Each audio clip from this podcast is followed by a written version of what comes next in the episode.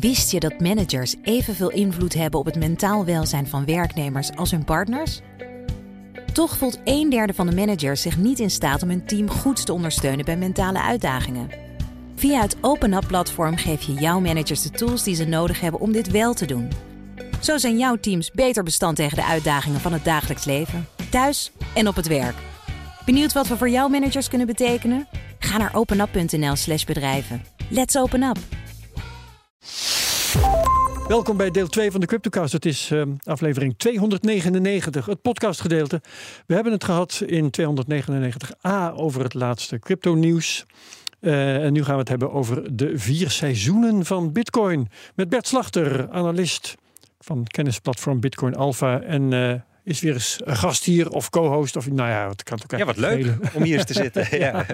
om hier weer eens te zitten.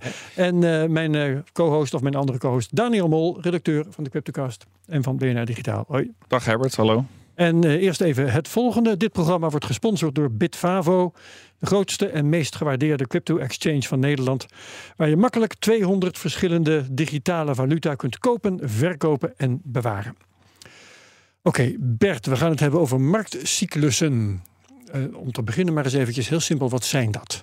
Ja, de marktcyclus zou je het over kunnen hebben in het geval van Bitcoin. Eigenlijk elke markt heeft een bepaalde periodiciteit, een bepaalde cyclus van um, uh, voorspoed en tegenspoed, van um, overschot en tekort, hè, van zomer en winter. Zo zou je het kunnen zien. En dat gaat al heel ver terug. Als je, er zijn geschriften bekend vanuit het oude Egypte dat, er, dat de economie daarmee bewoog met de overstromingscyclus van de Nijl. Hè. Dus ah. Veel voedsel, weinig voedsel, weet je wel. En je ziet eigenlijk allerlei markten hebben daarin gewoon een bepaald natuurlijk ritme. Wat te maken kan hebben met natuurverschijnselen. Of met, hè, de, we kennen de varkenscyclus misschien, hè, de conjunctuurcyclus. Er zijn allerlei Um, dingen die te maken hebben bijvoorbeeld met een, in een bepaalde markt met hoe snel productie op te schalen is. Hè, bij olie of bij grondstoffen.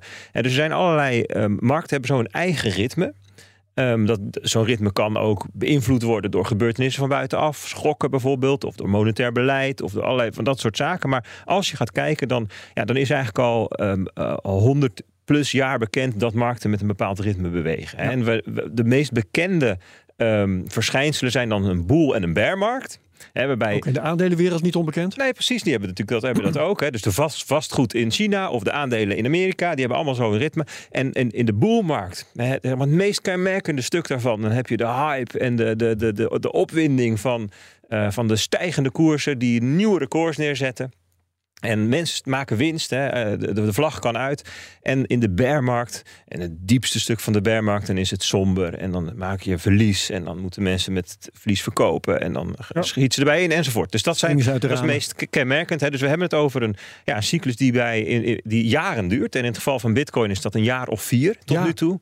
Drieënhalf. Opmerkelijk, precies. Ja, ja. Altijd weer november, december. Hè, van, uh, ja, november speelt een belangrijke rol. De oneven jaren. Ja, klopt wel. Nou ja, um, dus, dus de vraag is ook, hè, wat drijft nou Um, uh, die cyclus van Bitcoin, daar kunnen we het misschien later nog eens over hebben. Dat, dat is ook, daar, is, daar, is, geen definitief antwoord op. Maar dat is in ieder geval wat is, wat is de markt, of een marktcyclus. Dat is dus die beweging van bear naar boel naar bearmarkt. Ja, ja, ik heb me daarover verbaasd trouwens het afgelopen jaar hoor. Want uh, op zichzelf had je kunnen verwachten dat die, um, uh, dat die bearmarkt er weer zou komen. Mm -hmm. En het lijkt wel alsof op commando, zo jongens, we hebben een bear market nodig. Dat, uh, uh, wat is het, Terra Luna, Celsius, uh, FTX, de, de, Genesis, noem maar op, allemaal failliet gingen om die bear market maar te krijgen. Het, het, le het, leek wel de omgekeerde wereld wat dat betreft. Ja, ja nou ja, dat interessant. En dan ook weer precies de bodem eind november van 2022. Ja, dat is heel opmerkelijk. Ja, dat kun je ook niet zomaar nee. verklaren anders dan dat het weer toevallig gebeurd is. Nee, ik geloof niet in een soort van bovennatuurlijk nee, verschijnsel... Nee, waardoor je in bepaalde maanden of weet ik veel dat soort dingen... Maar het was opvallend. Ik, ik, je kunt hele klei, kleine koersbewegingen, die gaan natuurlijk alle kanten op. Dat is meer ruis. Hè? En als je, hoe verder je uitzoomt, hoe meer je eigenlijk het patroon krijgt van die, nou ja, de seizoenswerking zou je kunnen zeggen ja. van een markt. En dat, dat is wat ik interessanter vind. Dat heb je in de Bitcoin Alpha ook gesignaleerd. Cyclische en seculaire verschijnselen. Exact. Let dat maar eens even uit. Ja, dat is eigenlijk de basishypothese van waaruit wij met Bitcoin Alpha uh, uh, zeg maar naar, naar, de, naar de wereld kijken. En in, in het bijzonder dan naar de cryptomarkt, naar de Bitcoin-markt.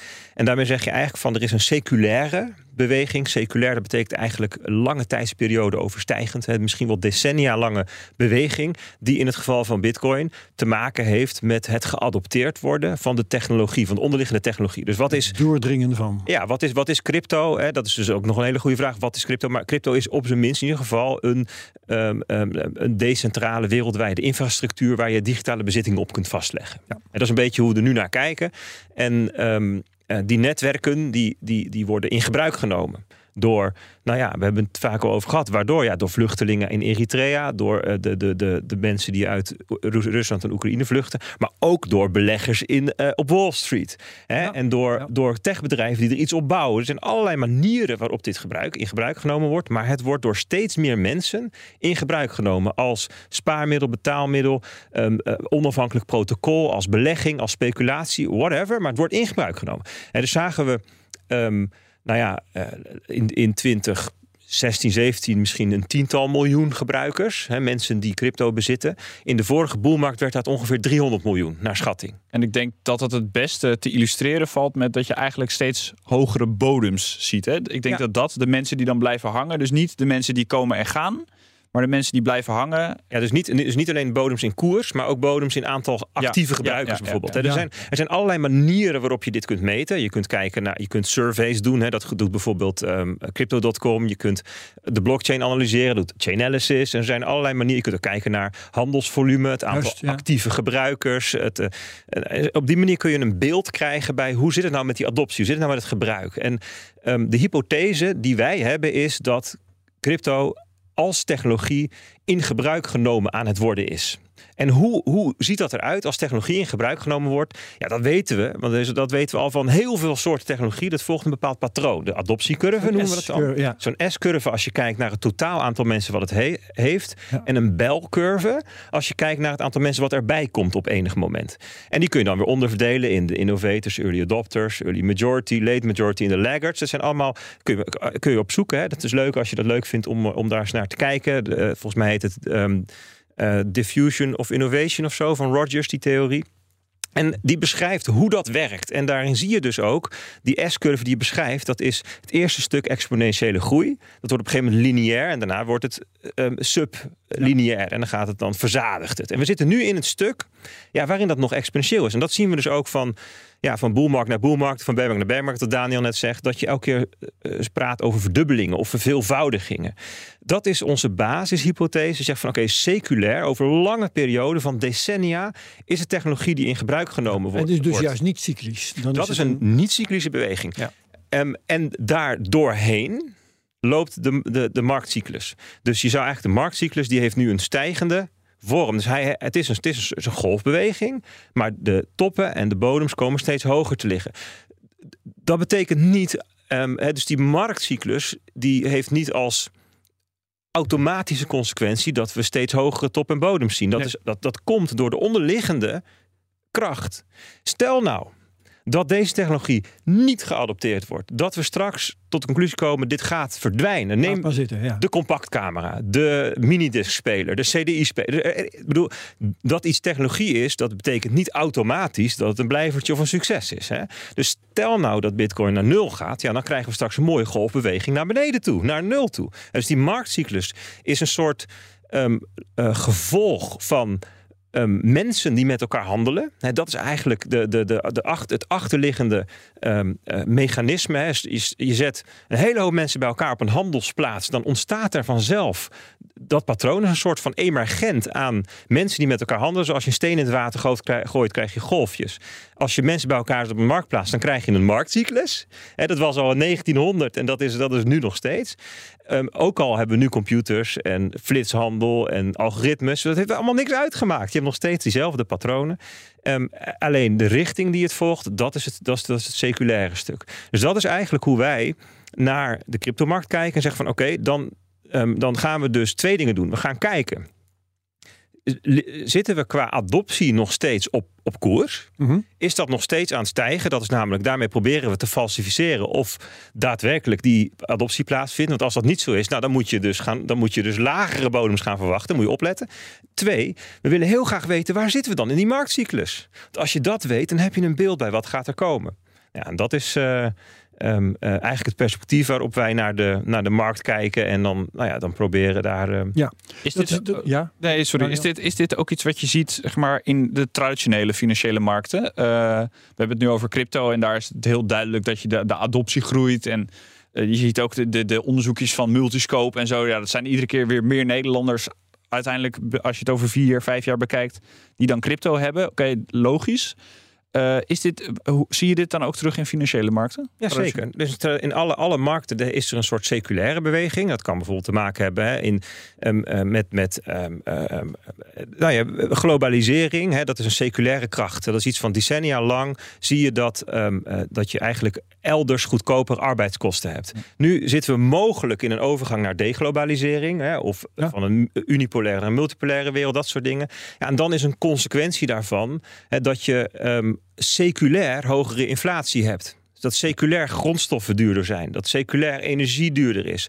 Dat betekent niet dat vanaf nu alles duurder, eh, constant duurder is. Nee, alleen jij ziet nog steeds die golfbeweging in prijzen, hè, inflatie, of in de koers van olie, of in de koers van energie. Alleen die, die, die, die golfbeweging van zo'n markt, die is dan nu seculair hoger. Dus je, je ziet in alle markten die, die twee verschillende dingen, seculaire krachten en een cycle die er nu eenmaal is. En misschien als je het dan over zeg maar 100 jaar bekijkt of zo, dan hebben we het natuurlijk denk ik ook over productiviteit. Als je traditionele, we zijn Dat is ook een seculaire kracht. Ja. Vergrijzing is een seculaire ja, ja. kracht. Ja, dat zijn allemaal dat, dat soort dingen. Ja. Ja, ja, ja.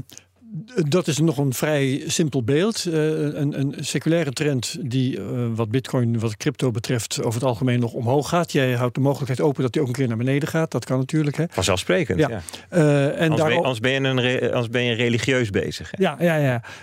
We houden alle mogelijkheden open. Maar daaroverheen dus die golfbeweging, Ja. die we elke vier jaar zien tot nu toe. Maar het is iets ingewikkelder, want in de, al, in de Bitcoin Alpha schrijven jullie ook over een daily, weekly en een yearly cycle. En Ja. daar begin ik het moeilijk te vinden, Ja. moet ik je eerlijk zeggen. Ja, dus, dus ehm, ehm, er is nog zoiets als de cycles theory. Dat, zijn, dat, is, dat is een manier om markten te analyseren. Mhm. Ehm, het zit een beetje in de hoek van technische anal- analyse. En, en waar, waar heel veel technische analyse eh, ten doel heeft om iets over prijsniveaus te zeggen, daar heeft cycle theory iets eh, als doel om iets over timing te zeggen. En wat, wat men dan doet, is men kijkt naar een yearly cycle, een hele lange beweging. En dan daarbinnen natuurlijk mijn weekly cycles, periodes van, ja, laten we zeggen, een paar maanden tot een half jaar. Verschilt per markt. En dan daarbinnen daily cycles. En dat is, ehm, dat is, dat is best een interessant instrument om in je toolbox te hebben. Ja. Maar hoe kleiner de tijdsdomein wordt waar je naar kijkt, hoe meer ruis je gaat zien. En hoe Ja. vaker je het mis hebt.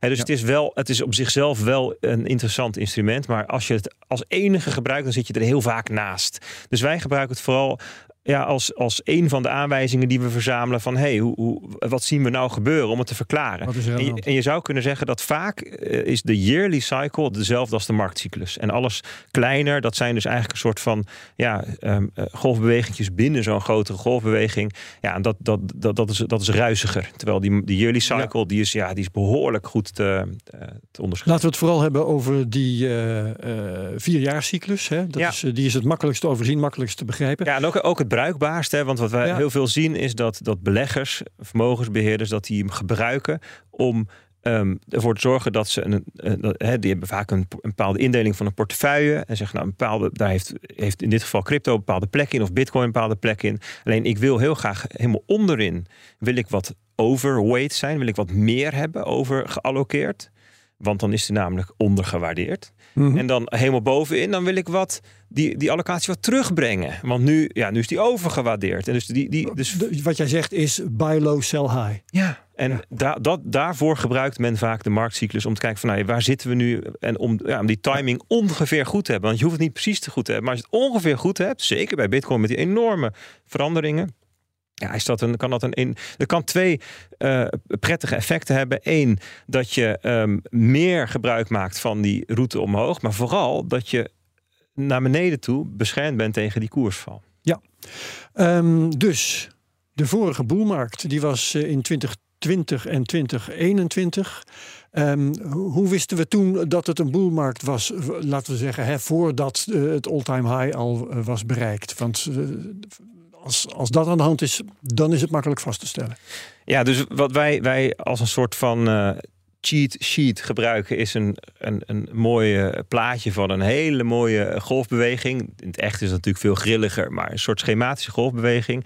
Waarbij we dan ook wat sentimenten, wat emoties hebben opgeschreven. Daar is best wat onderzoek naar gedaan van wat voor hoe, ervaren mensen nou de verschillende fases van de marktcyclus, niet van Bitcoin, maar in het algemene financiële markten.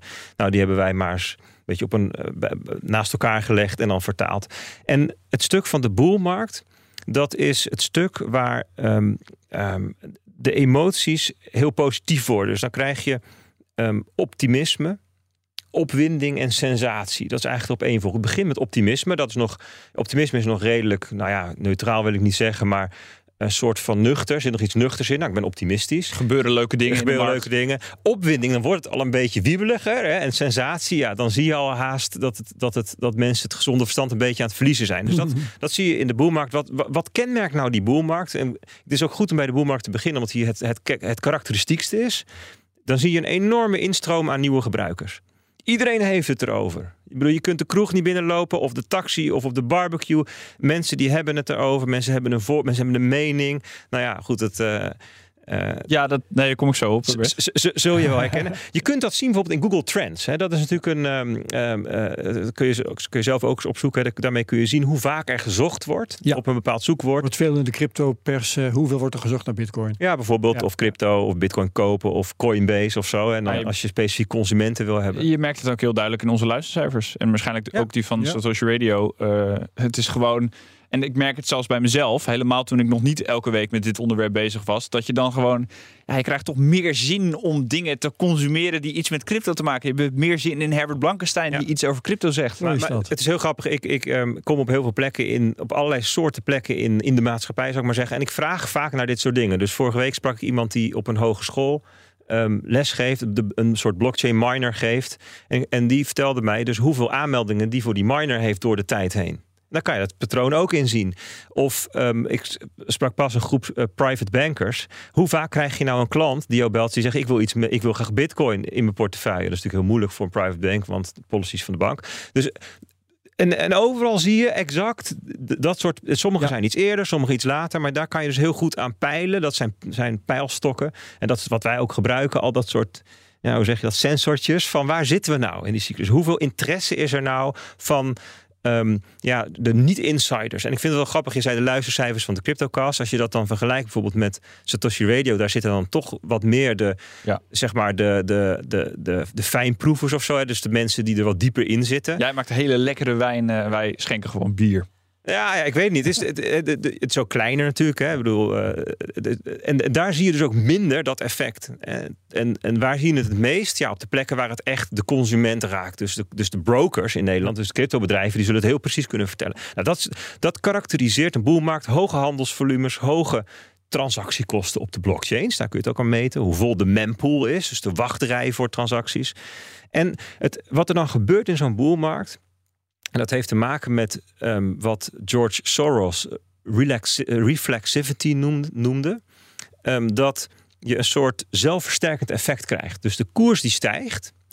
En dan zeggen mensen, hey, die koers die stijgt. Wat interessant. Dus even kijken, dat wil ik ook hebben. Gaan het kopen. Dus de koers stijgt verder. Andere mensen die denken, ik heb het nu. Ja, ik ga het niet verkopen. Waarom zou ik het vandaag verkopen als ik morgen meer krijg? Dus die houden het vast. Dus de koers die stijgt. En zo krijg je zo'n soort zelfversterkend effect.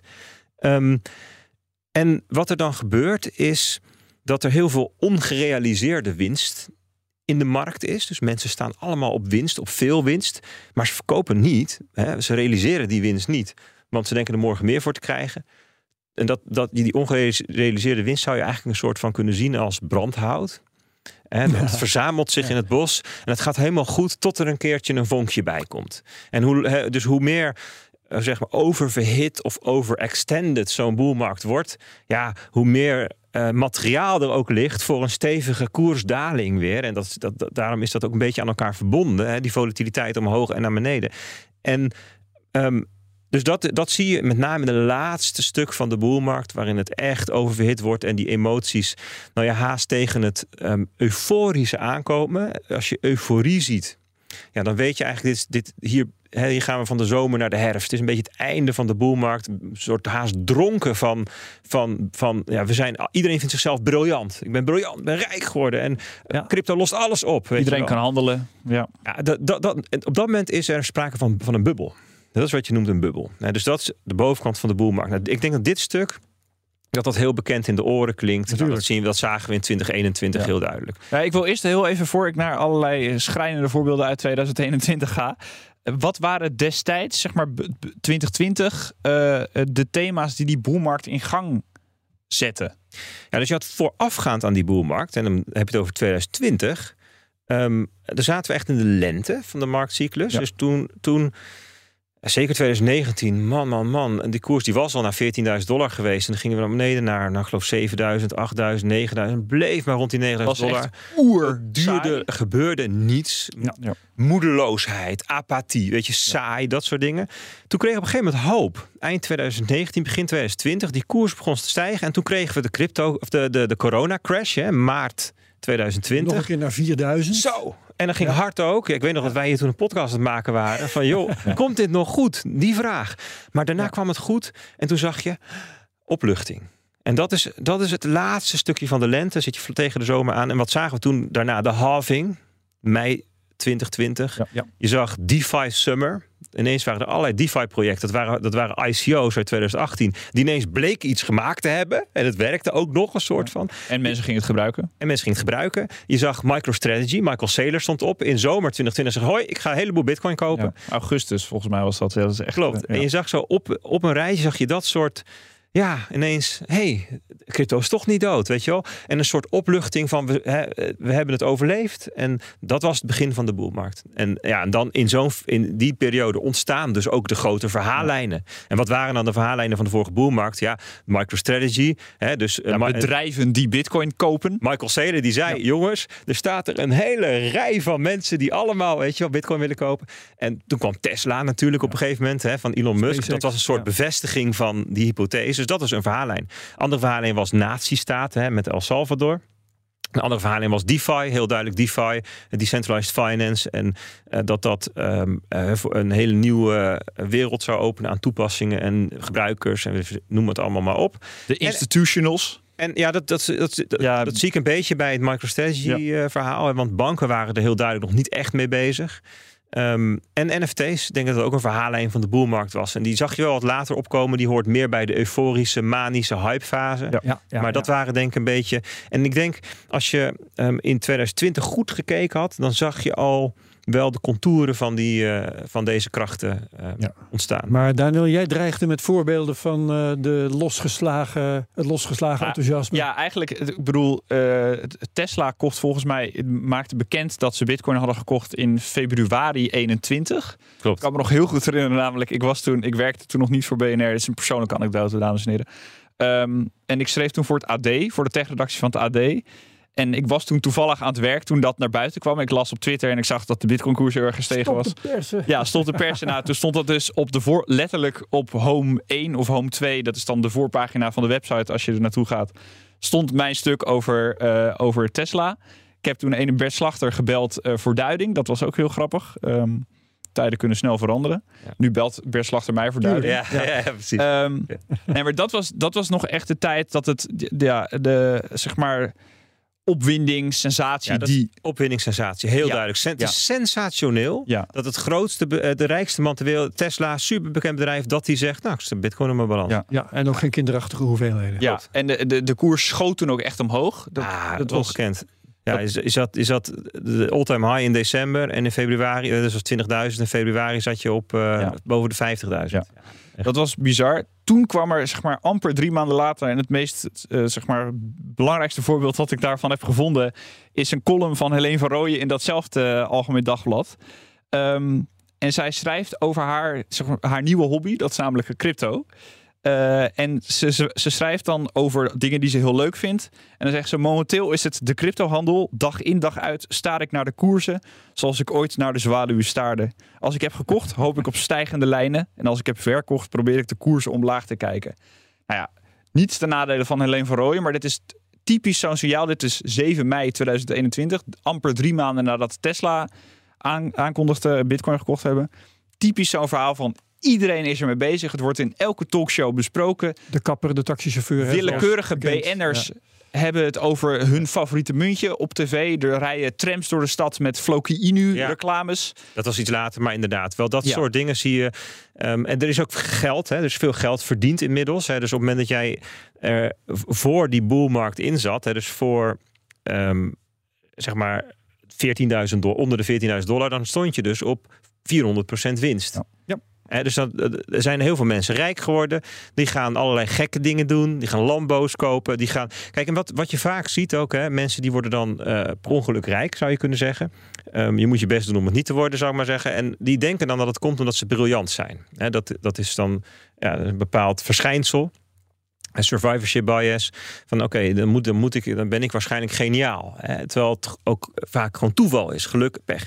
En eh, dus dat zijn, dat zijn al, daardoor krijg je allerlei ja, eh, on, onplezierige verschijnselen. Dus daar, daar, daar mondt het in uit die, op een gegeven moment. En dat zie je, dat, zie je op andere eh, financiële markten ook wel. Alleen de cryptomarkt is natuurlijk vanwege de toegankelijkheid en de. ehm, ehm, ja, toch een soort meme-status achter iets is hier heel gevoelig voor. Voor dat, voor dat uitmonden in ja, toch wat excessen. Ja, en we hebben het, Ja. dan, we hebben het nu heel specifiek als we die seizoenen een beetje Moet trouwens aanhouden. Helene Verrooyen eens vragen hoe het nu gaat. Dat kunnen we zeker eens doen. We kunnen haar uitnodigen, Herbert. Ja. Eh, eh, we hebben het nu over de overgang van de zomer naar de herfst. En wat daar heel duidelijk ook is. Zeg maar, Helene van Rooyen, die schrijft, eh, die of bij de vooravond zit of eh, een column over Bitcoin schrijft. Dat is echt de in, het, het inslaan van de herfst. En wat heel duidelijk daarin is, is dat de winst is dan ook al lang gemaakt. Iedereen, het meeste geld, dat verdien je zeg maar van de lente naar de zomer. Klopt. Ehm, qua koersstijgingen. Dat, dat, dat is Tesla die kocht, eh, nou ik meen dat de koers toen rond de 35, 40.000 heeft gestaan. Uiteindelijk zijn we nog naar 60, 65 gegaan. Dat is een verdubbeling. Als je er al vanaf zeg maar 6000 had ingezeten of 9000. Het zijn veel grotere stijgingen. Klopt. Dus, dus je moet eigenlijk kopen voordat de zomer begint. Hè? En verkopen aan het eind van de zomer, zou je kunnen zeggen. Ja, nou ja, dat de, is heel... herfst, de herfst is namelijk een listige periode. Hè? Want dat, die soms heel, die heel onvoorspelbaar is. We zagen dat de- deze keer, ja, de herfst begint met de euforie. Hè? Dus dan is eigenlijk het, het, het mooiste is er al af. Hè? Dus ehm, alsof het, eh, het omslagpunt van het fruit is rijp naar het fruit is overrijp. En je wordt er dronken van. Ja, het is gewoon een beetje, zeg maar, als je op een feestje bent, het is half vier, vier uur, weet je, de, de- echt het leuke is er wel af. Ja. Je hebt de, de mensen gesproken die je wilde spreken. De leukste plaatjes die zijn gedraaid. Je, weet je, je moet ook eigenlijk niet meer gaan drinken, want dan word je alleen maar dronken en dan kom je misschien wel in het ziekenhuis of zo als je echt te ver gaat. Wegwezen. Dat is het, dat is het punt. Dus de- eh, zeg maar, dat Eigenlijk eerste, als het nog leuk is, hè? Ja. het eerste stukje, eerste stukje zit nog op de grens. Is nog leuk of niet? De euforie is wel lekker, maar dat gaat al snel. En op een gegeven moment gaat die koers dalen. En dan, gebeur, dan gebeuren de gekke dingen, die euforie. Hè. Facebook die zijn naam verandert naar Meta en zo. weet je. Het, alles, het, het, kan niet, het kan niet op. Nee, alles draait er op een gegeven moment om. En dan op een gegeven moment ja, dan gaat die koers dalen. En hebben we het nu over eind 2021. En dan zie je nog eerst ontkenning hè, van, oh nee, maar Mhm. dit is gewoon een dipje. We krijgen straks krijgen we hè, plan B, 100k, eh Koers 100.000 zakt wel dollar. vaker 30 procent. Ja, Wat, wat ik toen heel karakteristiek vond, en dat was, we hebben natuurlijk in 2021 een soort dubbele top gehad. Dat is, Ja. moet jij zomaar even verklaren. Eh, maar ik kan me nog heel goed herinneren dat Elon Musk toen tweette van ja, Bitcoin is toch niet zo heel goed voor het milieu. We stoppen met het accepteren van Ja. Bitcoin voor nieuwe Tesla's. En dat Ja. was echt een schok die door de markt ging, ook qua prijs. Er, het was echt, toen stortte de prijs Ja. gewoon eventjes in. Ja. Ehm, Vandaar die ontkenning. Dus je wordt heen en weer geslingerd Ja. tussen van... gaat de boelmarkt nou verder of niet? Je hebt dan profeten zoals Plan B die zeggen... nee hoor, mijn, eh, mijn allerlaagste prijsoptie voor december is 135.000 dollar. Nou, heel, veel mensen, heel veel mensen hebben zich daardoor in de luren laten leggen. Dus da- dat is die ontkenningsfase. En dan op een gegeven moment... eh, dat was ook bijvoorbeeld in de periode dat... ehm, ehm, Rusland Oekraïne binnenviel. En daarna zag je de koers stijgen. Ze ze, oh, zie je wel, eh, Bitcoin heeft een nieuwe plek gekregen. Eh, Ontkenning. En terwijl eigenlijk, als je goed kijkt naar de seizoenswerking, moet je zeggen: ja, jongens, dit is, het is echt, het feestje is echt wel over. Hè. We zijn nu echt, ehm, de, de, ook als je kijkt naar allerlei datareeksen, bijvoorbeeld activiteit, gebruik, transacties, ehm, allerlei on-chain metrics, maar ook als je kijkt naar de derivatenmarkt.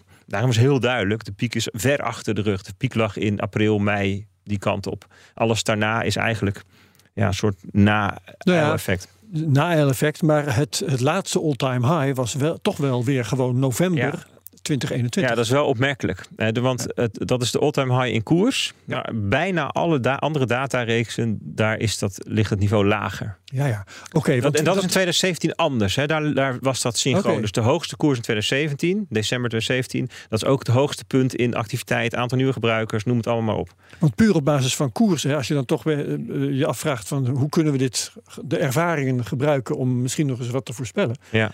Uh, voor de volgende cyclus zou ik zeggen, uh, luister eens, het was uh, eind 2013 was, was top, eind 2017 was top, eind 2021 was top. Ja. Dus nou, dan zou ik toch gaan denken, eind 2025 ja. hebben we misschien weer een top. Eind 2018 was bodem. Eind 20, even kijken. Eind 2014 was trouwens ook bodem. Eind 2020 was bodem. Dus waarom 22, zou de ja. neem me niet kwalijk, 2022. Ja, dus waarom dus zou, het niet zou de volgende bodem niet in 20, eind 2026 ja, Het zou kunnen, alleen als je um, dus puur kijkt naar um, zeg maar de, de, de, de, de, de, de sentiment en de gebeurtenissen in de markt, dan lijkt de tweede helft van 2021 meer eigenlijk, eigenlijk, op de eerste helft van 2018. En toen in 2018 eerste helft van 2018 had je ook nog Ethereum moesten nog eh, de top neerzetten. Je had al die ICO's die nog maar door en maar door gingen. Dat duurde eigenlijk nog best wel lang. En dat zag je ook tweede helft van 2021. Dan zag je ook, daar lag de top van Shiba Inu, van Floco Inu, van Apecoin, van, van Board 8 Yacht Club. Dat was eh, dus Metaverse, al die dingen. Dat is allemaal tweede helft van 2021. Maar toch hè Bert, eh, jij hebt hier volgens mij, correct me if I'm wrong, ook in het begin, oppassen dat ik het nu goed zeg, begin 20...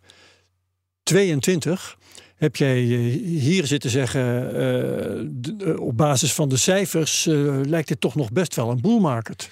Ja, dus ik heb de grens getrokken op 48.000 dollar, geloof ik, of zo. Ergens hadden we in ieder geval ergens hadden we een grens getrokken. Van, ja, dat is, vanaf dat punt kun je het qua prijs niet meer een boelmarkt noemen. En ehm, ja, wij hebben ook best wel vaak daarover gehad van er is nu een divergentie, dus een, een uiteenloping zichtbaar tussen allerlei fundamentele data en de prijs. De prijs doet raar.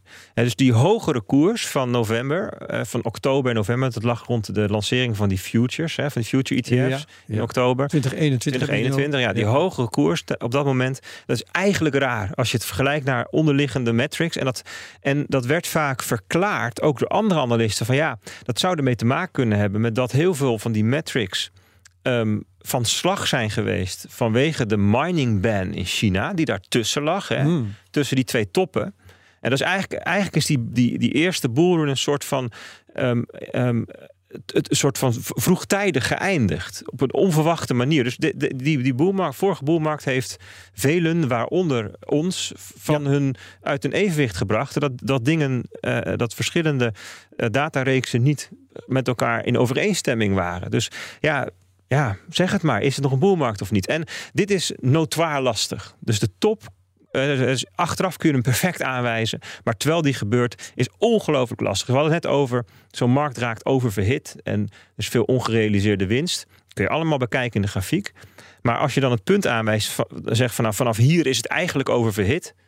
Dan kan, dan kan het daarna nog maanden en maanden oververhit blijven. Zo'n boelmarkt kan veel langer doorgaan dan je dan eigenlijk rationeel is. Het is namelijk ook irrationeel wat daar gebeurt. Ja. Dus het is ongelooflijk lastig om hem te callen. En dit is vooral achteraf heel makkelijk aan te wijzen. Maar het past, het past natuurlijk ook heel erg bij die twee emoties die jij in dat grafiekje hebt gezet. Het is ontkenning en het on- ongerustheid. Het, Ja. Er zit zoveel onzekerheid al in die woorden. En het is, we hebben het dan over de herfst. Ja, het is nog geen winter. We hebben het nog niet de, de koude plas water over je heen gekregen die bijvoorbeeld Terra Luna heette. Ja.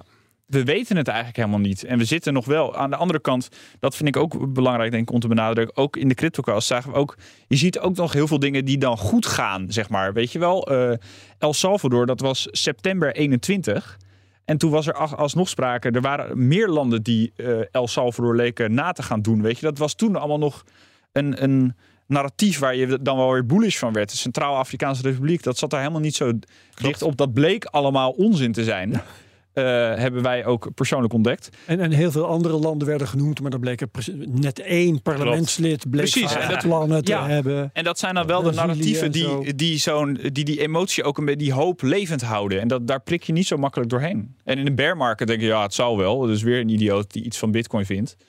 Ja, dat, dat is gewoon een andere tijd. Dus hij, hij was best wel lastig te callen. Maar je zou nu kunnen zeggen, er komt er echt een punt dat het voor iedereen duidelijk wordt. Ja. En dat was de, de Luna crash. En dus mei 22, moet ik goed zeggen. Mei 2022. Ja, toen zelfs de... Een jaar na wat jij nu achteraf zegt, uh, dat het hoogtepunt Ja, was. en toen brak de koers naar onder de, um, laten we zeggen, 35.000 dollar. Ja. En dus dat zou het moment kunnen zijn waarop je zeker weet, oké, nu, nu verkoop ik. Hè. Dus echt maar eh, alle, alle signalen die je hebt staan dan op standje winter. En dan krijg je Luna. Dan, dat was wel echt een moment van pessimisme. Van, uh, poh, dit, is niet, dit is niet best. Ja. Maar voor veel mensen ook nog niet echt paniek. Hè? Maar dat kwam vrij snel daarna. Toen bleek dat het niet alleen Luna was, maar ook Celsius, Sirius Capital, BlockFi, Voyager, noem maar op. Uh, uh, besmettingsgevaar, Contagion werd over gesproken, domino's. En, en toen ging die koers, dat was ook de grootste koersval. Um, rondom Celsius. Dus in juni 2022. Was in percentage was dat de grootste stap naar beneden. Ja, dat was paniek. En toen, toen dachten we dat we het gehad hadden, toen kregen we FTX nog. Nou, dat is echt een periode van capitulatie. Dus als je gaat kijken van wat is nou de periode waarin het meest tegen verlies verkocht is, dat is ja, rond, rond FTX, rond die bodemvorming daar. En dat is ook wat het woord capitulatie eigenlijk betekent. Hè, van ik, geef, ik, geef, ik geef, geef het op geef, ik geef me over. Hè. Ik geef het op. Ik hang me, mijn wallet in de wilgen. Um, uh, zeg maar de hoop dat ik ooit nog weer in de plus kom te staan. Laat maar zitten. Het hoeft me niet meer. Ik stop ermee. en dat, dat zie je rond die bodem. En dat is echt het, het, het, het dieptepunt van de, van de cycle. Hè. Daar, daar is de bodem. En dat is, dat is het, het, het, um, het koudste stuk van de winter, zou je kunnen zeggen. En maar dat hele stuk had je op basis van. Um, en die, die, die marktcyclus had je voor, had je, daar had je voor een gedeelte kunnen missen, zeg maar, dat stuk naar beneden. Als je had gezegd van, nou je, hier trek ik de lijn. Um, dat is de overgang naar, naar Luna toe. Ja, dan had je da, daar, daar gewoon kunnen uitstappen. Althans voor een gedeelte. Of je ja, positie lichter lastig, kunnen maken. is, want op dat moment had je al, keek je al tegen een verlies van 50% aan. Ja, maar ja, dat klopt. Hè. Dus op het moment dat jij begint met beleggen rond de top, dan is het heel zuur. Hè, maar op het moment dat je die marktcyclus natuurlijk al een tijdje meeloopt, hè, dus, dus, dus stel dat je inderdaad in 2019 of 2020 bent gestart, sta je nog steeds op 200, 300 procent, 400 procent winst. Ja. ja. Um, goed, ja, uh, en, en dan krabbelen we weer op. Ja, nou, wat, ik, wat ik heel grappig vind om bij FTX uh, nog vast te stellen, die capitulatie, dat is dan ook Media vind ik ook altijd wel een mooie indicatie van hoeveel berichten media over de cryptowereld. Ja. Um, FTX was bijvoorbeeld wel echt nog een media-evenement. Uh, Zeker. FTX was echt groot nieuws. Uh, het journaal, nieuwsuur, ja, precies. Ook al dat... gezien de figuur van de oprichter natuurlijk. Ja, zeker. En het, het, natuurlijk, dat is ook gewoon groot nieuws. En, uh, maar dat kwam ook omdat iedereen nog toch een beetje nog een soort van gevoel had bij de markt. En na FTX, waar we dus nu heen gaan, uh, dan, jij noemt het opkrabbelen. Eigenlijk vind ik dat het zwaarste de zwaarste periode van een bearmarkt. Namelijk dat al het gevoel weg is. Iedereen is gevoelloos, neergeslagen, moedeloos. Maar ik vind het wel heel grappig dat bij die capitulatie hoort dus nog wel die paniek... die dan ook een beetje versterkt wordt door ja, de media. Ja, dus je ziet dan, um, dat is de periode dat Bitcoin weer dood ge, ja. ge, verklaard wordt. Hè? Dus, dus, dus we hadden het net al in de aankondiging op het radiostuk over um, de voorkant van The Economist. Die hadden dan een neerstortende komeet. Crypto's downfall. En dat was rond 19 november, volgens mij kwam die uit. Um, en um, 21 november, dat was het diepste punt. Hè? En dat was de, de, de tijd dat Um, uh, de ECB dat blogje plaatste over Bitcoin is op weg naar irrelevantie. Wat dan door het Financiële Dagblad werd gepubliceerd als ECB-onderzoek. Bitcoin is op weg naar irrelevantie, Joost van Kuppenveld. En ik twitterde dat toen, ECB dubbele punt, Bitcoin is dood, met dan het artikeltje erbij. En daar reageerde Joost van Kuppenveld. Dat is dus iemand die namens het FD online zich eh, manifesteert. En die zegt, ja, we, en we gaan het niet begraven, maar weg laten rotten. Dat zegt, weet je wel, dat is het sentiment vanuit de media. Dus je ziet ook dat de haters die dansen op het graf. Hè, dus het is niet alleen zomaar dood zeggen van, George, vervelend voor je. Maar ha, het is uh, al die stomme Eindelijk, ja. millennials, weet je, de boomers stonden erbij te lachen. Dat was een beetje de, de pijn die gevoeld werd vanuit de cryptomarkten. Je werd uitgelachen door iedereen die zei, ik heb altijd al gezegd dat het een ponzi was en een piramidespel. Dus het, het sentiment is daar heel expliciet negatief. En waar het bloed en waar er wond, zitten mensen nog lekker een beetje in te porren en er zout op te gooien enzovoort. Dus dat is, die, ja, dat is een jaar geleden. Dat was november december, november vorig jaar. Ja, ik heb nu, nu je toch eh, het FD en Joost noemt, ehm, ik heb toen eh, nog even zitten googlen en toen heb ik gevonden dat hij eh, vier jaar eerder precies in dezelfde zin had gereageerd op de gebeurtenissen in de markt. Oh, echt? Ja. ja, ja, Overigens hebben wij in de Dus boelmarkt... het is nu eindelijk afgelopen met de crypto. ja, precies. Ja, ja. in de boelmarkt van 2021 wel een heel leuk gesprek gehad met Joost en de Cryptocast. Daar was jij ook co-host. Ja, toen. zeker. Ja, dat was ook leuk. En dan is, dan is het toch wel weer een stukje genuanceerder Nee, dan maar- op Twitter. Hij mag ook Tuurlijk. terugkomen. Nee, maar dat is, ik, ik, dat is ook prima. Alleen hij, hij vertolkt een bepaald, een bepaalde ehm, ja, sfeer of zo. Dat, dat, en dat, dat, daarom vind ik het mooi. Ik bedoel, Nouriel Rubini is daar ook vermaard. Die heeft ook al elke keer in de bodem. Dan, van, dan verklaart hij het weer dood. Dan zegt hij van, nou jongens, binnenkort staat het op 1000 dollar en dan naar nul. Ja, weet je, dat is, maar het is, dat is exemplarisch voor ehm, de sfeer, het sentiment rondom die bodem. Ehm, alleen net als bij toppen, ja, waar ligt de bodem? Je weet het niet van tevoren. Hè? Alleen je kunt wel zien van, oké, dit zijn wel signalen. En dus eh, mensen die dat vaker hebben meegemaakt zeggen wel van, hé, hey, dit is wel heel herkenbaar wat we nu zien. Natuurlijk kan het lager, maar ja, ehm, er komt een punt dat iedereen die gevoelig is voor dit soort dingen weg is. Weet je wel? Dit zijn overigens wel dingen die moet je niet ehm, natuurlijk ehm, in isolatie bekijken. Je moet dan wel nog even altijd ook naar het seculaire verhaal kijken van hoe zit het met die adoptie. Want dat is wel een soort onderliggend vertrouwen of onderliggend beeld wat je hebt van hey, we zien de adoptie gewoon doorgaan. Het netwerkeffect blijft Ja. groeien. Wat is netwerkeffect? Dat is niet alleen maar gebruikers of beleggers of investeerders, maar ook mensen die bouwen, die eh, start-ups, ondernemingen. Dat zijn banken, techbedrijven die iets mee doen. Dat is regelgeving die ontstaat. Het zijn allemaal vormen van netwerkeffect. Zien we dat nog toenemen? En Jij, jij zei laatst ook weer, eh, toen, toen de koersen al aan het stijgen waren, toen zei van nou, ik eh, vind het nog wat dunnetjes. eh, ik zou vooral het volume willen zien eh, toenemen. En toen kwam rond die tijd eh, kwam ik eh, grafieken tegen van het volume, maar dan over een aantal jaren. En dan kon je heel mooi zien dat eh, zelfs in de bear market, die we nu net gehad hebben, eh, het volume steeds belangrijk hoger is geweest dan vier jaar eerder Klopt. in de bear market Klopt. van toen. Dat- Hè, dus, en daar zie je die van mooi. Klopt, absoluut. Dus dat zijn, dat zijn dingen dat je dat toch even checkt. Van hey, we zitten nu. eh, Het, het, het, het meest. Dit het pijnlijke sentiment van de bearmarkt. Wel grappig. Iemand als Stuur de Meester. Dat is natuurlijk een, een, een OG. Hè? Iemand die er al eh, sinds Satoshi ongeveer bij is. Die, die zegt dan ook. Ja, dat is de periode dat zelfs ik pijn in mijn buik krijg. Hè, en dat, dat, dat is bij jullie in de cryptocast zei dat. Hè? Dus Ja, dat, was, ja. dat zijn van die dingen. Denk je, ja, dat is, dat is herkenbaar. Dat is, dat is die periode van, van dat diepste stuk van de bearmarkt. Nou, dan check je wel even van. Oh, hoe zit het nou met die seculaire trend? Dat is nog in orde. En wij hebben dan natuurlijk het voordeel dat we nog steeds heel veel mensen spreken op allerlei plekken. En dan krijg je dus ook gewoon mee dat er achter de schermen gaat men door. Ik vond een van de geinige dingen dat toen BlackRock uiteindelijk naar buiten kwam met zijn ETF-aanvraag. Toen zeiden zij ook, joh, wij zijn al zes jaar bezig met onze strategie voor digital assets. We ehm, hebben heel 2022 met elkaar elke keer overlegd wanneer zullen we beginnen. En eind 2022 hebben we de call gemaakt. Nu gaan we execu- executeren. Nu gaan we het uitvoeren, het plan. Lag al eh, klaar op de plank. Dus dit is niet zoiets dat ze. In, in, in de, of wat we achteraf zien als de bodem van de market. Ja, en toen hebben zij Sterk gekeken en gezegd: hey, ehm, de, de, de, alle, allerlei ehm, lucht is uit die bubbel weg. Allerlei ehm, misstanden zijn aan het licht gekomen en die zijn, worden uit de weg geruimd. Ehm, en toch is het niet dood. Het blijft en we zien die seculaire trend doorgaan. Er zijn natuurlijk ook een ongelooflijk goed netwerk met fullspread van wat er gebeurt. Dit is het moment waarop we dit gaan doen. Ja. Waarop we gaan bouwen. Dus dat zijn, ja, achteraf zie je dan dat dat soort partijen daar eh, op die manier mee bezig is. En dat is dan de bodem van de bearmarkt. En dan gaat het, dan gaat het weer stijgen. Ja, dan gaat het weer stijgen. De koers krabbelt op. Maar het sentiment is nog eerste tijd. eh poh. Het is vooral heel, dat kenmerkt zeggen, het is vooral gewoon heel saai. Eh, als je iedere week, en dat, dat gun ik niemand, maar als je dan iedere week een programma over crypto moet maken, Nieuws, eh, dat is heel zwaar. Nou, Ja. dat valt wel mee. Maar het is wel, echt een kutbaan. Ja. Nou, nee, maar Herbert, jij kan, ik was er toen nog niet bij, maar jij kan vast eh, de Cryptocast, je bent in 2018 begonnen. Nou, toen was je nog lekker eh, de beleggingsspel aan het doen met Madelon en Boris. Toen was het nog heel gezellig. vanzelf, ja. Maar zeg maar, Hoewel, nou ja, dat was een verlies, maar goed. eind 2018, begin 2019 d- d- en heel 2019 eigenlijk, dan, het moet heel moeilijk geweest zijn om de- het programma te vullen met relevante informatie. Ik geloof het wel. Ik, eh, achteraf gezien, ik, ik, ik herinner me dat niet als een hele vervelende of moeilijke periode. Behalve dat ik het wel heel vervelend vond dat die koers al maar eh, rond de 8000 bleef eh, schommelen. Dat was gewoon niet zo heel erg interessant. Ja. Hey, maar ehm, waardoor weten we nu dat we in de lente zitten, Bert?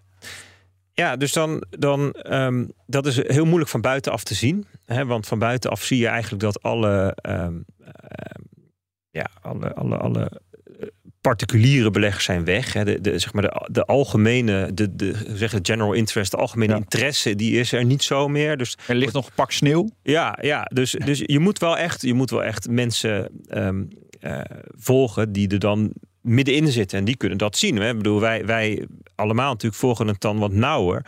Ja, dan, dan merk je dat er in die periode gewoon heel erg hard doorgebouwd wordt. Hè? Dus in, in, Europa had je Mika. Er werd van alles nog wat gedaan. Dus allerlei cryptobedrijven zijn, zijn zich erop aan het voorbereiden. Ehm, ehm, banken, financiële instellingen zijn er daardoor nu veel meer mee bezig techbedrijven die zeggen: hé, hey, maar als het dat gereguleerd wordt, dan kunnen we veel meer dit. En je ziet dan bijvoorbeeld al sinds begin van het jaar op allerlei plekken in de wereld dat er ehm, landen, jurisdicties, steden zijn die zeggen: hé, hey, maar dat crypto, dat Web 3, ehm, daar, daar willen wij wat mee. Dat worden dan crypto hubs. hè. Dus Dubai, eh, Hongkong, Singapore, in Japan en Zuid-Korea ook, Londen en Parijs bij ons in de buurt. In Amerika sommige steden, hè, Austin bijvoorbeeld, en eh, Nashville en, en, in Florida heel erg expliciet natuurlijk met, de- Mhm. met die eh, governor daar, Miami. Die dan zeggen, wij willen wel een crypto hub worden. Wij willen graag mensen naar ons toe komen. En daar zie je dat gewoon eh, ministers van Financiën, ministers van Economische Zaken, eh, mensen van de centrale bank, gewoon ja, stukken schrijven, blog schrijven, met, met founders op de foto gaan. Weet je, zeggen, joh, kom maar hierheen. Dat zijn van die dingen die je zegt van, hé, hey, maar het is helemaal niet dood. Het is helemaal niet weg. Je ziet, je ziet eigenlijk zeg maar zoals je in de lente door de sneeuw heen de eerste sneeuwklokjes en krokusjes ziet, dan denk je van nou, weet je, de bladeren zitten nog niet aan de bomen. Hè, maar die winter blijft niet voor eeuwig. Je ziet weer de eerste signalen. Nee, het, eh, eh, het doet dan ook niet echt iets. Voor, de prijs zie je nog niet aan af. Nee. Dat is het heel duidelijk. Maar ook eh, inderdaad, al die dingen die jij noemt, die kloppen. Daar doen wij dan ook verslag van. Het is alleen, er gebeurt niks. Dus je zou kunnen vaststellen, ja, weet ik veel, Dubai gaat zich positioneren als crypto-staat. Best interessant. Maar je ziet het niet terug in de prijs, dus dan lijkt het geen effect te hebben. Hetzelfde vond ik, we hebben eh, de- al sinds, sinds eh, 2022, 2021 doen we verslag van bijvoorbeeld die beursgenoteerde miningbedrijven. Tuurlijk, er zijn er in de bear market een paar ongevallen, maar de echt grote Marathon Digital, Riot, eh, al dat soort bedrijven, die bestaan nog. Dat zijn echt gigapartijen geworden die ook investeren. En, ongelooflijk innovatief bezig Ja, zijn. precies, ja. En he- hele grote verbeterslagen pla- Met eh, vergroening en zo. Ja, onder Ja. andere, ja. En, en, het, en het aardige is, als je dat volgt, dan, dan, dan, dan zie je soms hoop. En hoopvol. En soms dan word je teruggeworpen in moedeloosheid. En dan zie je hè, met, met, in, in maart hè, met Silicon Valley Bank. En dan zie je dat bitcoin gezien wordt als, als digitaal goud. En dan later toch weer niet. Hè, en dan komt BlackRock. En dan daarna wordt iedereen en zijn moeder aangeklaagd door de SEC. Dus je, je, je gaat een beetje heen en weer tussen moedeloosheid en hoop. Weet je wel? En dat is vermoeiend. En eigenlijk, ehm, ik vind die, die stijging naar boven de 32.000 dollar... die we in oktober hebben meegemaakt... toch een soort van symbool staan Ja. voor de overgang... dat we de moedeloosheid achter ons laten richting, het op, de, richting de opluchting. heel lang als grens genoemd, hè, Ja. van tevoren. Ja, ja, klopt. Dat is echt. Dat, dat, dat is een soort ook symbolische afrekening. We laten alle ellende van de bearmarkt achter ons. Het was ook rond de tijd dat Sam Bankman-Fried veroordeeld werd. Dat is ook natuurlijk een symbool hè, van ja, weet je, de mensen die echt zich misdragen hebben, die belanden ook achter de tralies. Ehm, ehm, we zien op allerlei plekken in de wereld dat, dat, dat, dat er partijen zijn die het beter willen gaan doen. Je hebt BlackRock, die het die, dat, er komt een beetje voortgang in. En ehm, de hoop die gaat, ehm, eh, die, die, die, die, die overheerst. En we zien voor het eerst af en toe dat mensen soort van opgelucht zijn van. de ECB schreef wel Bitcoin is op weg naar irrelevantie, maar het tegendeel is waar. En dan gaat. eh, eh, gaan de gebroeders slachten, die gaan met vliegtuig naar Barcelona. En wat treffen ze daar aan? Op het podium van de European Blockchain Convention, daar staan daar ehm, Citibank en Banco Santander en, en Credit Agricole en Deutsche Bank en ABN en Standard Chartered. Het zijn allemaal grote financiële Ja, ja, ja. instellingen. En die zijn gewoon aan het bouwen, niet op private blockchains, zoals in 2018 werd gezegd. Blockchains zijn wel leuk, maar Bitcoin, daar moeten we niks van hebben. Nee, ze zijn aan het bouwen op decentralized, permissionless, public blockchains. Op wat ze dan noemen wereldwijde onafhankelijke infrastructuur, waarop wij heel graag ja, allerlei digitale bezittingen willen gaan vastleggen, bewaren en overdragen. Dat noemen we dan tokenization. eh, weet je wel, Je noemt trouwens geen namen van Nederlandse banken. ABN AMRO. ABN. Oh, die was er wel. Ja, die was er wel. Martijn Simons stond op het podium hierover te vertellen. De ABN AMRO is het vest van de Nederlandse banken. Maar ook ING is met dit soort dingen bezig. Hè, dus um, met, bezig met stablecoins en dergelijke. Dus uh, ook in Nederland. Alleen, je moet, uh, als je heel eerlijk bent, wel zeggen dat Nederlandse banken een flink tandje achterlopen op allerlei andere landen. Waarin de toezichthouder gewoon veel ja. ja realistischer, constructiever in de wedstrijd Ah, zo, oké. Okay. Ja. Um, wat worden nou volgens jou de, de grote thema's van de komende bull market? Als we even gemakshalve aannemen dat er een bull market aan zit te komen. Ja, dus in principe, hè, als je die marktcyclus zou doortrekken, dan komen we nu in het tweede deel van de lente aan. Dus dat betekent, dat is ook een belangrijke constatering, we zitten nog niet in de boelmarkt. Er is nog geen sprake van het optimisme, wat je bijvoorbeeld zou kunnen vergelijken met het laatste stukje van 2020. Hè, de tijd dat Michael Saylor al aan het kopen was en noem het maar op. Uiteindelijk ging het er ook door die all-time high van 20.000. Of Klopt, dat was inderdaad het laatste stukje van ja. dat, dat. Als we door de all-time high gaan, dat is echt, dat markeert niet alleen bij crypto, maar in allerlei financiële markten is dat altijd een moment dat iedereen wakker wordt. En goud die zit nu voor de derde keer tegen de all-time high aan. dus dat is ongeveer op 2100 dollar voor goud. Ja, dat is volgens mij al uh, drie, vier jaar zo. Ja, dus inderdaad, in drie jaar tijd is het drie keer, is dit, is dit de derde keer. Mm -hmm. En het aardige is, zeggen dan de goudmensen, uh, die zeggen.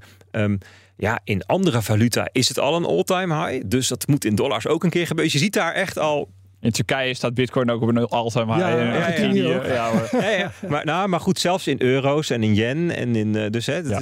maar dus stel dat goud er doorheen gaat, ja, dan, dan komt daar heel veel aandacht voor. Dus dat is een heel normaal verschijnsel. Ga, zet iets recordkoersen neer, Nvidia, ik bedoel, weet, van de tech weten we natuurlijk ook. Ja. Dan ineens, wauw, wat gebeurt hier? Dus dat, dat, dat is echt zo'n punt in 2020 geweest van, ja, dan zit je echt in het begin van die boelmarkt. En dat, dat is het punt dat, dat er nieuwe beleggers uh, in gaan stromen. Dan zie je weer, als je naar die volumekaart kijkt, waar je net naar keek, die grafiek, dat je e echt een enorme verhoging ziet. Daar zitten we nog niet. En dat is dan optimisme, zou je dat willen ja, noemen, dat is ik, optimisme. En dat gaat op een gegeven moment over in opwinding. Maar dan ben je echt al flink ja. aan het stijgen. En op een gegeven moment krijg je sensatie weer. Ja. Dan gebeuren er dingen waarvan ik nog niet weet wat het is. Maar er zullen ongetwijfeld ook nu weer sensationele dingen gebeuren. En dan op een gegeven moment dan, dan, ja, dan, dan ontaart dat in euforie en dan zo, weet je. Ja, enzovoort. maar net zoals we zeg maar in augustus 2020 de narratieven zich zagen aftekenen. MicroStrategy, er is een of andere gek in Amerika die begint als een idioot Bitcoin op te Ja. kopen en die deelt ook zijn playbook met andere bedrijven. Yes. Dat werd een narratief. Die dingen, die narratieven voor de komende boelmarkt, zou, zien we nu wel al Ja. aftekenen. Ja, dus je zou eigenlijk kunnen zeggen van hè, ehm, het komende ah, dik half jaar daarin ehm, ver- verwacht je dat die krachten zichtbaarder worden. En één daarvan de halving, ongetwijfeld. En je kunt natuurlijk eindeloos discussiëren Of over was het maar als psychologisch moment? precies wat nou de feitelijke fundamentele invloed nog is. Hè? Ja. Want de, want de, ehm, eh, zeg maar de geldtoename die zal van 1,8% per jaar of 1,85 naar 0,9 of zo gaan. Ja. maar. Terwijl de market cap eh, veel hoger is Ja. dan vier jaar geleden. Klopt, en er veel meer andere geldstromen zijn. Dus je kunt daar best wel een discussie over voeren. Maar ehm, f- feit is dat er heel veel mensen naar kijken. Dus er zou best een soort zelfversterkend of voorspellend, uh, prophecy. Self-fulfilling, ja. Ehm, maar die gaat plaatsvinden in eh, de tweede helft van april, hè, rond Ja. 20 april. Eh, dus dat is, dat is iets waar we in het komende half jaar over gaan horen. En, en dat is een verhaal wat zich daarna uitstrekt. Hè, van, eh, dat betekent dat de miners minder op de markt zullen brengen en noem het allemaal maar op. Ik denk dat daarvoor nog de, de eventuele goedkeuring eh, van de spot-ETF's zit. Ja, als die daarvoor zit. Want dat Ja. weten we natuurlijk niet zeker. Eh, want we hebben het nu allemaal wel over januari. Maar juist deze lentefase, daar zitten vaak ook nog wel weer wat tegenslagen in. Daar Nou ja, de, altijd wel de SEC sleept nu weer kraken voor het gerecht. Ja. Eh, dat is ook niet per se positief. Dus Ja, dus je hebt inderdaad Ja. de, de spot-ETF's. Maar laten we er eens van uitgaan dat ze goedgekeurd worden. En dat is eh, geen gekke aanname. eh, gezien het feit dat Bloomberg op 90%. 95% of zo zit. Hè. Ja. Ja. Ehm, eh, spot ETF's voor Bitcoin, spot ETF's voor Ether.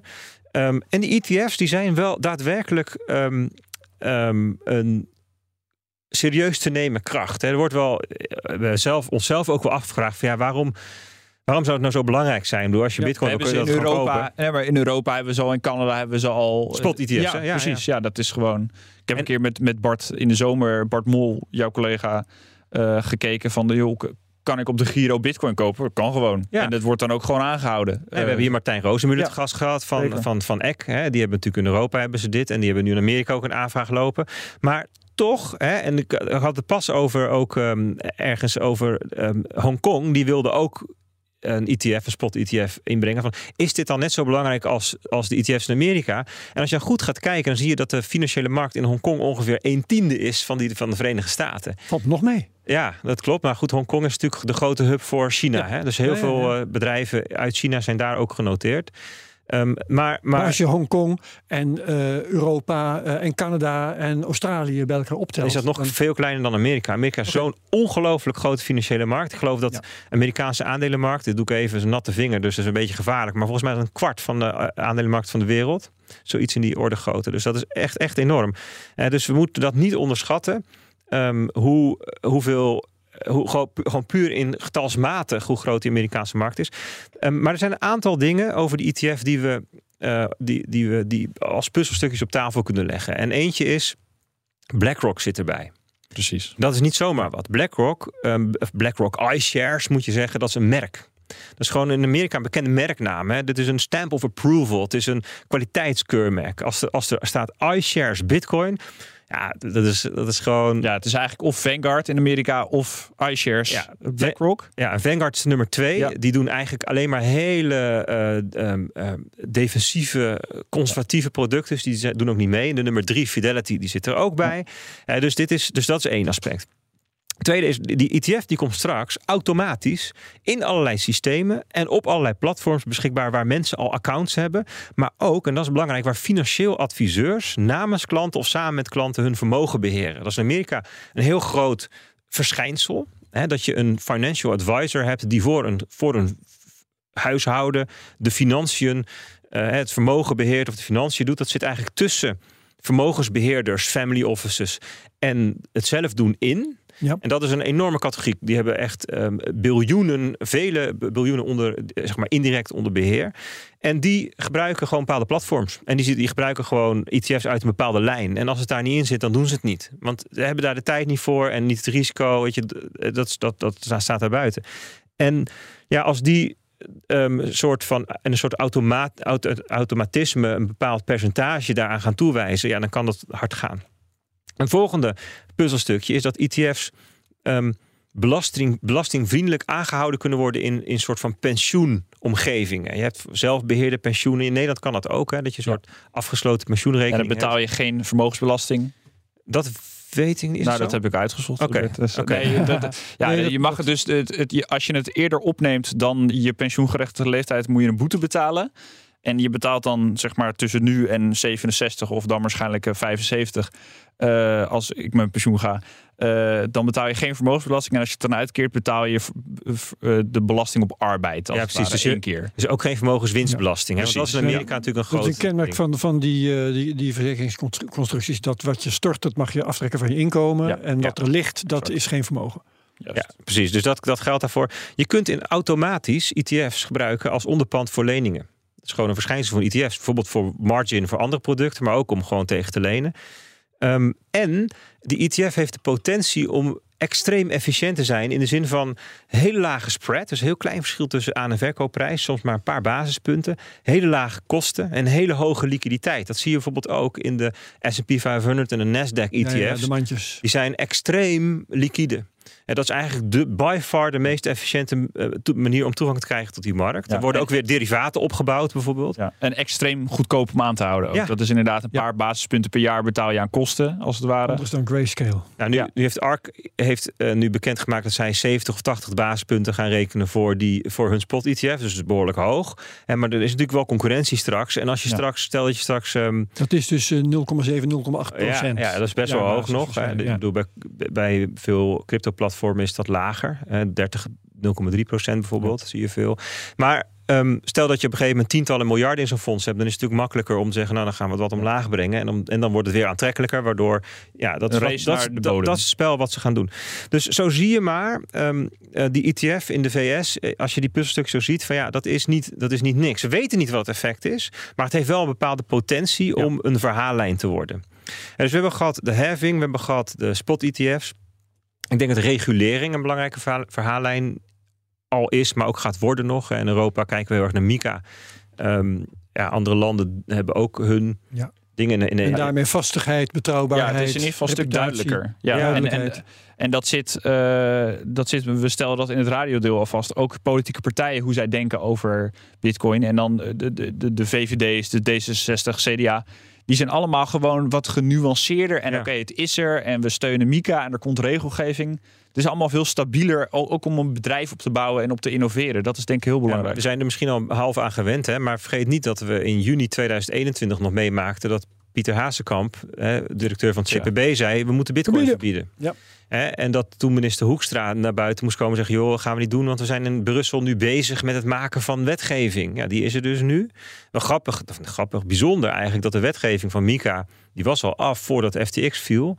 En daar staat eigenlijk precies in wat je moet doen om te voorkomen dat er een FTX-situatie kan ontstaan. Dus dat is op zich heel, wel, wel heel Nou, wat je altijd moet relativeren, hè, want dat er eh, een wet is, dat wil niet zeggen dat er geen mensen meer zijn die zich niet aan de wet houden. Klopt, dat klopt. Hè? Maar je, je, je, je, je maakt het aantal manieren waarop dingen mis kunnen gaan kleiner. Mm. En zo zou je het moeten, moeten zien. zeker, ja. Overigens had die wetgeving natuurlijk ook zomaar de andere kant op kunnen vallen. Want het had niet veel gescheeld. Of we hadden een soort de facto mining ban gehad voor, eh, voor Europese. En dat, Klopt. dat ze- misschien zegt dat niet zo heel veel, want mining gebeurt nu vooral elders.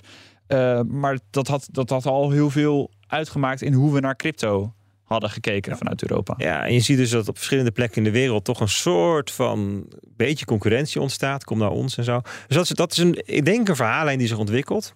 Nog eentje. Nog eentje, ja, ik vind de, misschien de belangrijkste wel ehm, die crypto als onafhankelijke wereldwijde infrastructuur, hè, waarop dus allerlei digitale bezittingen zullen worden vastgelegd. Hè. En, ehm, Onafhankelijk van overheden vooral. Mm, Ja, onafhankelijk van regio. Hè. Dus het is niet landgebonden, het is ja. grenzeloos. Ja. En dat betekent dat je daarmee dus digitale bezittingen... en dat kan je dus hebben over digitaal geld, aandelen, obligaties... eh, identiteitsgegevens, creatieve werken, in-game items... noem het allemaal op. Het zijn allemaal digitale bezittingen. Ehm, die kun je ehm 24-7 voor een paar cent binnen een seconde naar Japan sturen. Ja. En dat is iets wat ja, waar, waar financiële, de financiële sector van zegt, dat is reuze interessant. Want nu is dat heel moeilijk. Het kost lang. Hè, dus T plus 2, T plus 3 eh, settlement. Hè, dat betekent dat je twee of drie werkdagen moet wachten voordat het daadwerkelijk verrekend is. Dat verdwijnt. Het is ogenblikkelijk. Het bericht is de waarde. Hè? En dat zijn dingen die, die, die men ziet en zegt van nou, dat is die infrastructuur. Die willen wij gaan gebruiken om allerlei ja, allerlei soorten bezittingen op te gaan vastleggen. Nou, dat, wat je, dat noem je dan hè, vanuit dat, die, die invalshoek tokenization of zo. Of Ja. real world assets die je eh, vastlegt. Nou, het grootste voorbeeld van een real world asset is de dollar. En er is 140 miljard dollar aan dollar stablecoins.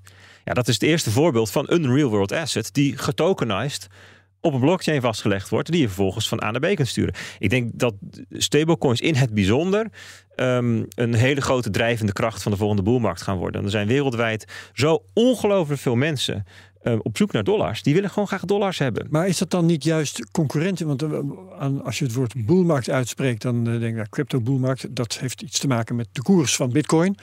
Is dat niet juist concurrentie voor bitcoin, wat uiteindelijk zal knagen aan de prijs van een bitcoin? Nou, heel specifiek voor Bitcoin is, is dat eh, concurrentie in de zin dat het eenzelfde type functie vervult. Ja. Maar ik denk dat wat veel, veel belangrijker is in deze fase, dat je dus honderden miljoenen, misschien wel miljard mensen hebt uiteindelijk die gebruik gaan maken van die crypto-infrastructuur. En voor het versturen of het aanhouden van zo'n stablecoin wel een klein beetje ether nodig hebben als ehm, eh, brandstof, hè, als gas.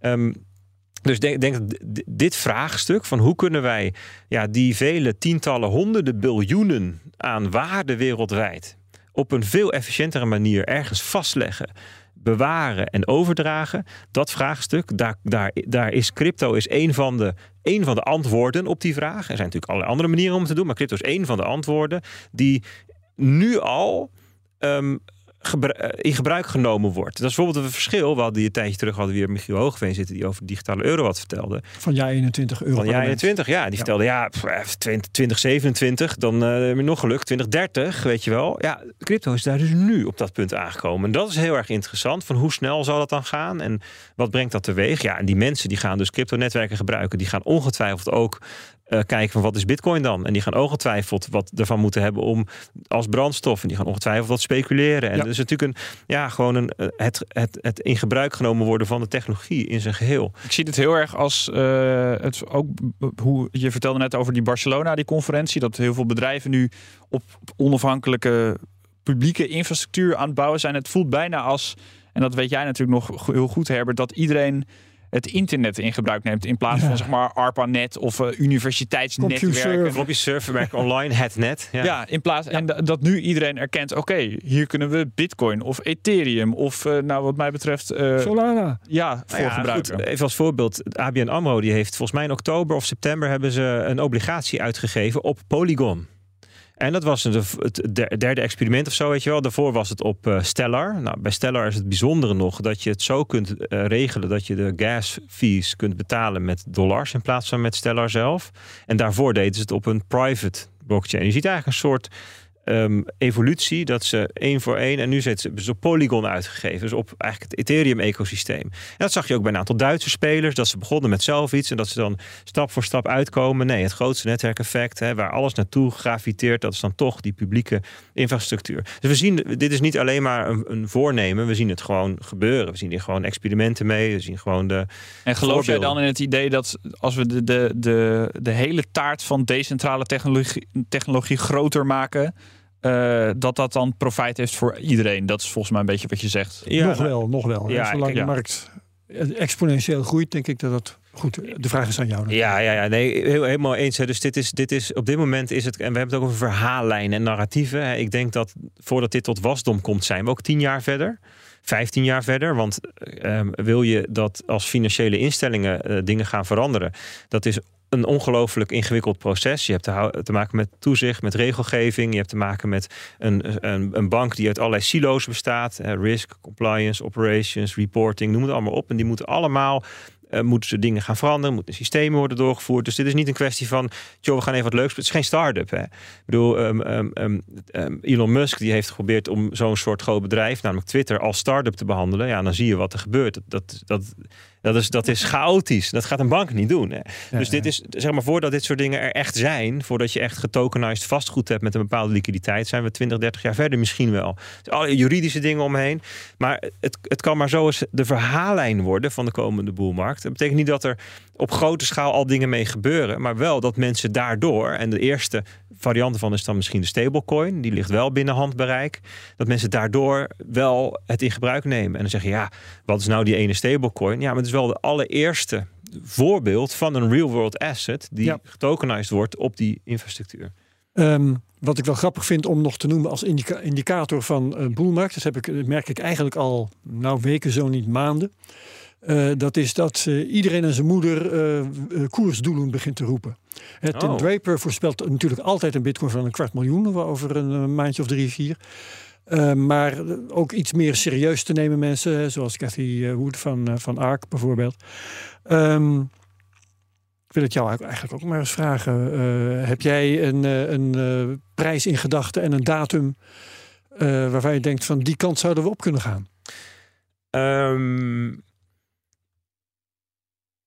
Mm, nee, niet zo 1, 2, 3. Hè. Ik heb niet een. Uh, kijk, wat, wat Cathy Wood en wat die anderen gedaan hebben, is dat echt onderbouwen. Is met een berekening. En vaak gebruiken ze daar. jullie hebben het in de, in de um, Bitcoin Alpha ook wel eens een keertje gedaan. Want moeten, als er zoveel kapitaal instroomt, dan gaan, kunnen we die kant op met de prijs. Ja, dus dat wat, wat we vaak doen, is als mensen dat soort dingen roepen, dan uh, uitrekenen wat het dan betekent. Wat, het, wat de consequentie is.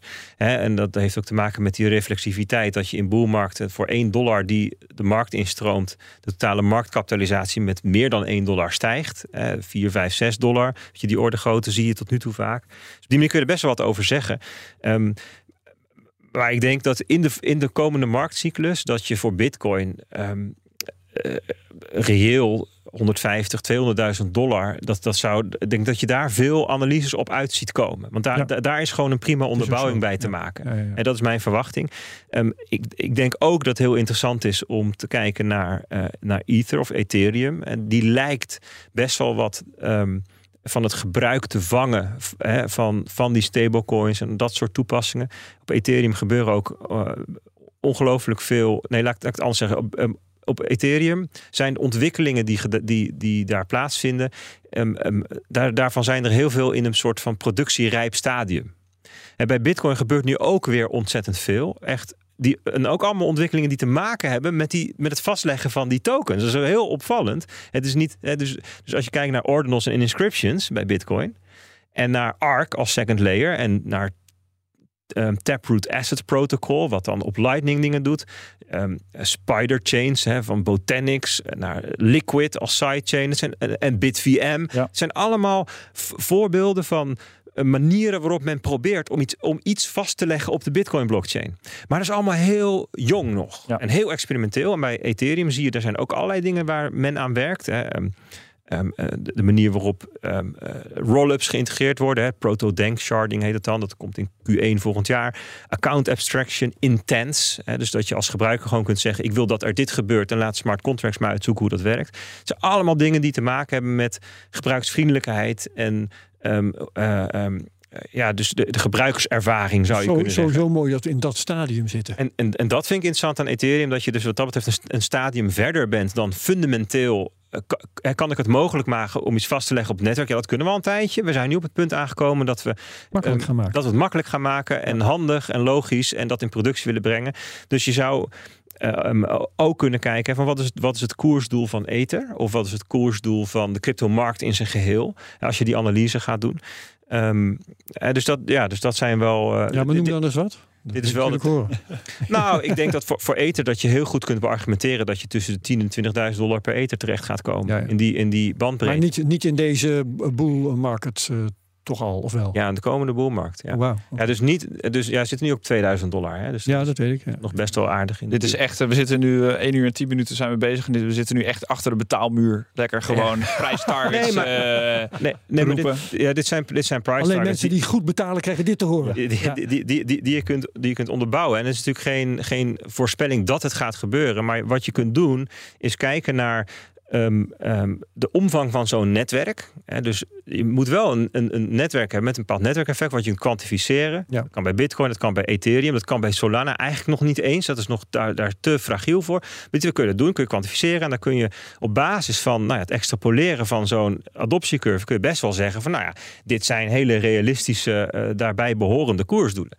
En dus dit is niet een natte vinger of een glazen bol. Dit zijn gewoon uh, de andere kant is, als die adoptie niet plaatsvindt, dan gaan die koersdoelen ook niet gehaald worden. Natuurlijk niet. Dus als er schokken zijn in de markt, in de zin van een totaalverbod wereldwijd, dan kun je die koersdoelen ook bij het grofvuil zetten. Hè? Dus er is, er is, altijd een bepaalde uh, voorwaardelijkheid van dit soort dingen. Maar op deze manier kun je er wel naar, naar, naar, kijken. En dan is natuurlijk de allerbelangrijkste vraag, wanneer? Want timing is nog veel moeilijker ja, ja. dan koersdoelen. Nee, maar de, vandaar dat ik ook zei, is dat de, deze boelmarkt dan... Ja, ja, dus dat wel. En dus wat, wat Aannemende hè, dat die boelmarkt die gaat zich afspelen in de komende twee jaar. Daarna grofweg, toch een keertje naar beneden. Grofweg, hè, dus 2024, 2025, dat is te verwachten. En wat wij dus gaan doen vanuit Bitcoin Alpha is ook dit volgen, zodat we eigenlijk voortdurend de temperatuur en sentiment en al die andere datareeksen waar je aan kunt voelen waar je zitten, om dat te volgen.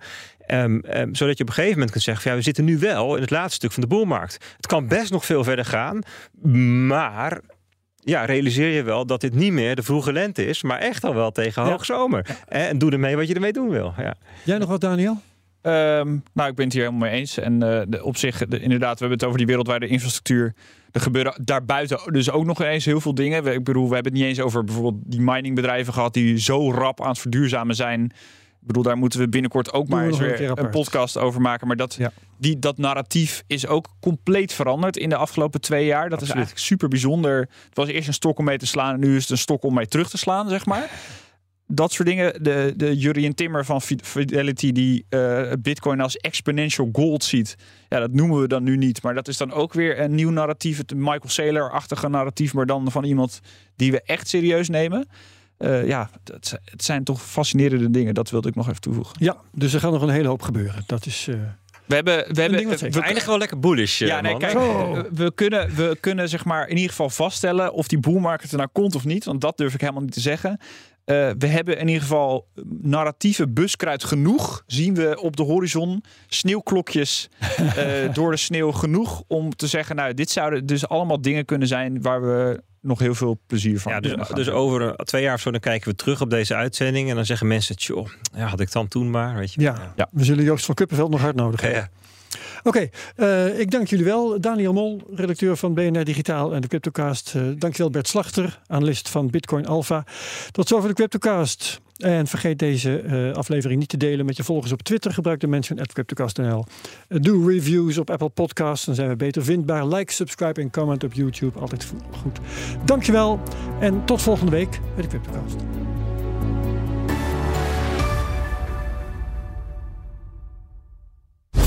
CryptoCast wordt mede mogelijk gemaakt door Bitfavo, de crypto-exchange van Nederland. Wist je dat managers evenveel invloed hebben op het mentaal welzijn van werknemers als hun partners? Toch voelt een derde van de managers zich niet in staat om hun team goed te ondersteunen bij mentale uitdagingen. Via het OpenUp-platform geef je jouw managers de tools die ze nodig hebben om dit wel te doen. Zo zijn jouw teams beter bestand tegen de uitdagingen van het dagelijks leven, thuis en op het werk. Benieuwd wat we voor jouw managers kunnen betekenen? Ga naar openup.nl/slash bedrijven. Let's open up!